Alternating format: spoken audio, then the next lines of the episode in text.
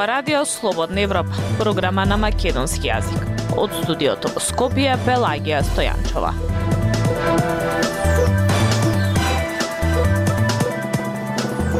Во денешната емисија на Радио Слободна Европа објавуваме како се стопи поддршката за скопската градоначалничка Арсовска. Граѓаните не им веруваат на институциите. Судовите обвинителствата со најниска доверба. Приемот на Шведска и аспирациите на Украина за влез во НАТО главни теми на самитот во Вилнус. Слушајте не. Независни вести и анализи за иднината на Македонија на Радио Слободна Европа и слободнаевропа.мк.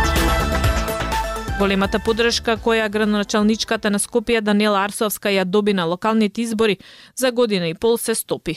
Граѓаните на последната анкета на Интернационалниот републикански институт ИРИ се изјаснија дека не се задоволни од незиното управување со Скопје. Радио Слободна Европа анализира што вети, а што исполни Арсовска. Билјана Николовска ја слушаме во продолжение. Градоначалничката на Скопје Данила Арсовска во предизборната програма им се обраќаше на скопјани со драги мој и им објасни зошто се кандидира за градоначалник. Градот тоне во нечистотија, загаден воздух, урбанистички хаос, неорганизиран систем за јавен транспорт, пишува во воведот на програмата за модерно Скопје. После година и половина од владењето на оваа независна кандидатка која на избори одеше со поддршка на ВМРО од ДПМН Радио Слободна Европа во интервју, неодамна ја запраша градоначалничката Арсовска дали се доживува себе си како успешен градоначалник. Апсолутно да, имајќи предвид што е она што сакам да се постигне во градот, а тоа е да се воведе ред и систем кој досега го немало, рече Данела Арцовска во интервјуто за РСЕ. Но последната анкета на Интернационалниот републикански институт покажува вртоглав пат на довербата на граѓаните во Арцовска. Задоволството на Скопјани од работата на Арцовска се мери во помалку од 1%. 50% се многу незадоволни, а 21% незадоволни. Делумно задоволни се 18%, а 9% не дале никаков одговор. Повеќе од половина пак, односно 53% сметаат дека на Скопје му треба нов градоначалник – Анкетата е направена меѓу 8 и 4 мај на 389 испитаници од Скопје.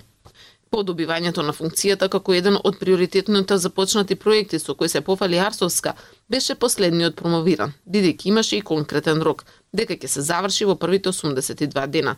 Тоа беше чистењето на 150 диви депонии, а таа пред јавноста презентираше дека успешно заврши неговата реализација – но меѓу првите вести за одлуките на Арсовска поврзани со укинување на претходни одлуки беше дека го раскина договорот за многогодишно украсување на Скопје, кој го склучил незиниот предходник Петре Шилегов. Причина за да им се стемни нова година на Скопјани беше штедењето на струјата. Дека таа не ги сака проектите на Шилегов, се потврди со одлуката да го стопира проектот за еколошки јавен превоз Бас Рапид Транзит, вреден 70 милиони евра, кој се спроведуваше со поддршка од Европската банка за обнова и развој. Таа пак во декември 2021 рече дека ќе се спроведува реорганизација на ЈСП и дека се работи на проектот за бесплатен јавен превоз за граѓаните, кој во целост ќе се реализира за две години, но и дека ќе се набават 250 нови еколошки автобуси. Во меѓувреме, граѓаните се соочија со колапс на јавниот превоз. За тоа колку скопјани се незадоволни од проблемите во јавниот превоз, покажува и последната анкета која ја објави Ири. На прашањето кои се двата несериозни проблеми со кои се соочува Скопје, од 389 испитаници речи се една третина или 30% одговориле дека е јавниот превоз што го издигнува на прво место како проблем за граѓаните. Идејата за набавка на нови еколошки автобуси пак заглави во Советот на град Скопје и точката за задолжување од 10 милиони евра не помина. Од ИВМРО, ДПМН и неговите советници веќе одамна и откажаа поддршка на Арсовска. Од бесплатниот јавен превоз Скопјани придобивки имаат само кога е екстремно загадено, нешто што беше пракса и пред Арсовска. Реализација на проектот со кој ги купи граѓаните нема на видик. Радио Слободна Европа, светот на Македонија. Судовите и обвинителството имаат најниска доверба кај граѓаните според последните анкети.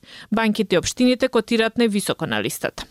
Овие резултати аналитичарите ги гледаат во одсуство на одговорност и неказнивост во државата, но и во кадровската политика која наградува сервилност и партиска лојалност, а не квалитет. Владимир Калински Политичките структури кои владеат вообичаено се критични кон работата на институциите пред да дојдат на власт, а потоа ги искористуваат нивните слабости наместо да ги поправат.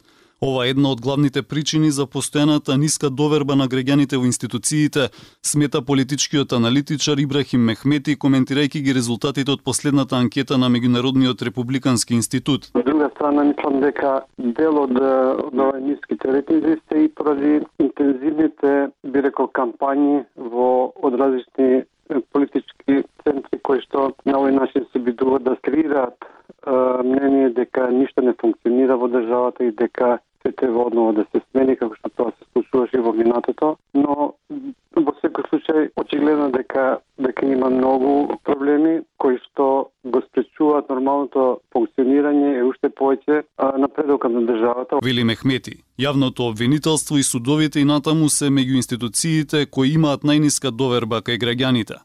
Последната анкета на ИРИ покажува дека над 50% изразиле силна недоверба во овие институции, додека само 1% рекле дека имаат доверба во нив во голема мера. Анкетата на ИРИ е спроведена од 8 април до мај на 1208 испитаници, Според анкетата, ниско ниво на доверба имаат и парламентот, владата, политичките партии Државната комисија за спречување на корупцијата и Државната изборна комисија. Меѓу 40 и 47% од граѓаните одговориле дека немаат доверба во овие институции, покажува истражувањето. Меѓу 2 или 3% одговориле дека имаат доверба. Висок процент на граѓани исто така не се согласуваат дека владењето на правото и демократијата може да се свати како држава во која сите луѓе и институции одговараат пред законот и уставот и дека законите подеднакво се применуваат кон сите, според анкетата на ИРИ. Највисока доверба имаат банките со 11% од испитаниците кои одговориле позитивно на прашањето, а потоа следуваат локалните власти со 9 од 100, медиумите, едукативните институции со 7%, полицијата и здравствените институции со 5 од 100, опозицијата 6% и невладините организации 4 од 100. Марко Трошановски од Институтот за демократија Социјета Цивилис вели дека анкетата на ИРИ го констатира она што се случува со години наназад, а тоа според него е допирање на дното кога станува збор за довербата на граѓаните во институциите. Најголемиот проблем секако е отсутството на одговорност и неказнивост при функционирањето на институциите, како и кадровската политика која не вози сметка за задржување и промовирање или напредување на најдобрите и најпосветените, туку наградува стерилност и партиска лојалност. Вели Трошановски. Случувањата во институциите, особено во правосудството во последните месеци се тема на загриженост и од меѓународни од домашни институции. Актуелности свет на Радио Слободна Европа. Приемот на Шведска во НАТО и напорите на Украина да стане членка на најголемата воена организација се темите кои доминираат на самитот во литванската престолнина Вилнус. Шефот на НАТО, Јен Столтенберг, најави поедноставена процедура за прием на Украина во Алијансата. Марија Тумановска. Иако самитите на НАТО се одржуваат секоја втора година, ова е четврти собир од ваков вид во последните 18 месеци, односно од руската инвазија на Украина која почна на 24 февруари минатата година. Еден самит веќе се одржа буквално ден по почетокот на војната во Украина, пошто следеа средби во Брисел и Мадрид. Членството на НАТО во Украина. Ова е клучната тема на дводневниот самит, бидејќи лидерите на 31 земја членка на Алијансата ќе разговараат за тоа како ќе ги дефинираат идните односи со Украина во светло на апелот на председателот на оваа земја Володомир Зеленски да добие покана за членство. Генералниот секретар на Алијансата Јен Столтенберг потврди дека на самитот ќе предложи поедноставен процес за членство на Украина во Сојузот. Тој најави дека ќе предложи укинување на така наречениот акционен план за членство, кој вклучува економски и политички реформи што една земја кандидат треба да ги преземе на патот кон членството во НАТО и дека со тоа ќе се поедностави процесот. Сепак се очекува да има несогласување околу формулацијата во завршниот документ, односно како ќе се пристапи кон овој проблем. Источноевропските земји сметаат дека на Украина треба да и се понуди патокас. Западните земји, вклучително и Соединетите држави и Германија, се повнимателни во врска со потегот што на крајот може да ја доближи алијансата до војна со Русија.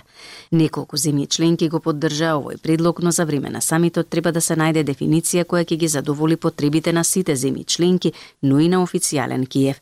Тоа практично значи дека Украина би добила некаква гаранција дека приемот е возможен, но секако по завршувањето на војната. Надвор од изгледите за членство, лидерите на НАТО се очекува да ветат континуирана воена и финансиска помош за Киев за да ја одвратат Русија од повторен напад по завршувањето на војната. Темата за Шведска практично беше завршена пак на 10 јули во пресрет на самитот кога турскиот председател Реджеп Тајп Ердоган се согласи да ја проследи кандидатурата на Шведска за членство во НАТО до парламентот. Шведска заедно со Финска беа традиционално неутрални земји, но побараа прием во алијансата по руската агресија врз Украина. Иако двете земји аплицираа за прием во исто време, Турција досега го блокираше процесот за членство на Шведска, тврдејќи дека во скандинавската земја се засолнуваат членови на милитантни групи кои Анкара ги смета за терористи. Полноправното членство ќе се случи кога сите земји ќе го ратификуваат протоколот за прием. На состанокот на 10 јули Ердоган се согласи да го проследи протоколот за пристапување на Шведска до големото национално собрание на Турција. Лидерите ќе ги разгледаат и првите обрамбени планови на Алијансата изготвени од членките за прв пат по студената војна со детали како НАТО ќе одговори на рускиот напад. Заживувањето на така наречените регионални планови означува суштинска промена. Заедно со плановите Алијансата им дава на нациите насоки како да ги подобрат своите сили и логистика. Безбедносните мерки во главниот град на Литванија Вилнус денувиве се строги. За безбедност беа ангажирани три противвоздушни единици на германски патриот кои беа распоредени да го заштитат местото на средбата. Дайте ни 15 минути и ние ќе ви го дадеме светот. Слободна Европа.мк Контроверзниот руски бизнисмен Олик Викторович Бојко, кој се наоѓа на листата на санкции на три држави поради поддршката на руската влада која изврши инвазија врз Украина, има фирма за брзи кредити во Северна Македонија. Во земјава тој отворил фирмата Digital Finance International. Рускиот бизнисмен според Forbes тежи најмалку 1,2 милиарди евра. Зорана Гаджовска-Спасовска. Олег Бојко поседува фирми за брзи кредити во над 30 земји. Но проблемот е во тоа што овој 59 годишен руски олигарх е ставен на три листи за санкции. Во април минатата година е ставен на листа за санкции на Австралија, а од ноември и на Канада и Украина – поради финансиската подршка на руската влада која изврши инвазија врз Украина, пишува во меѓународната датабаза на податоци OpenSection. Рускиот бизнисмен Бојко се наоѓа на така наречениот список на Путин на Американското министерство за финансии, каде го зазема 17-тото место во групата од 96 олигарси кои го сочинуваат блискиот круг на рускиот председател Владимир Путин, пишува американскиот медиум CNN. Во извештајот на Американската раздавачка служба презентиран до Сенатот во 2017 година, Рускиот олигарх Бојко се нарекува лице со загрижувачки врски со руската влада и руските безбедносни служби и е вклучен во организиран криминал. Според истражувањето на романските новинари, Бојко заедно со неговиот партнер од Летонија не користат Малта како даначен рај за своите активности во Европа и САД, додека заработуваат од високи камати и трошоци кои им ги наплаќаат на клиенти предавање на мали заеми на граѓани во земјите во развој. Според Open Section, Бојко покрај рускиот пасош поседува грчки и италијански пасош. Според податоците од македонскиот централен регистар, адресата на живење му е заведена во рускиот главен град Москва, но како држава од која потекнува, односно од која има државјанство е наведена токму Италија. Разузнавачките извори за Радио Слободна Европа велат дека тој не поседува македонски пасош. По избавнувањето на војната на веб страницата на неговата фирма Финстар, тој соопшти дека срцето му е скршено од конфликтот во Украина. Тој пишува дека се залага за дипломатско решение за тој конфликт. Тој во Северна Македонија преку Digital Finance International ги поседува брендовите за брзи кредити, познати како Forza и Креди, а неодамна неговата фирма го најави производот Хипокредит со кој може да се подигне кредит до 65.000 евра со залог од недвижен имот со рок на отплата до 15 години. Со половина милион евра влог фирмата Digital Finance International е запишана во Македонскиот централен регистар во 2016 година. За само 5 години од основањето на ранг листата од 35 финансиски друштва кои се занимаваат со брзи кредити во земјава, во 2021 се искачи на седмото место со приходи од 2,5 милиони евра но добивката во завршната сметка изнесува само 10% од приходот, односно 226.000 евра. Лани пак имам паднала работата. Ја слушавте емисијата на Радио Слободна Европа, програма на македонски јазик. Од студиото во Скопје со вас беа Пелагија Стојанчова и Дијан Балаловски. До слушање.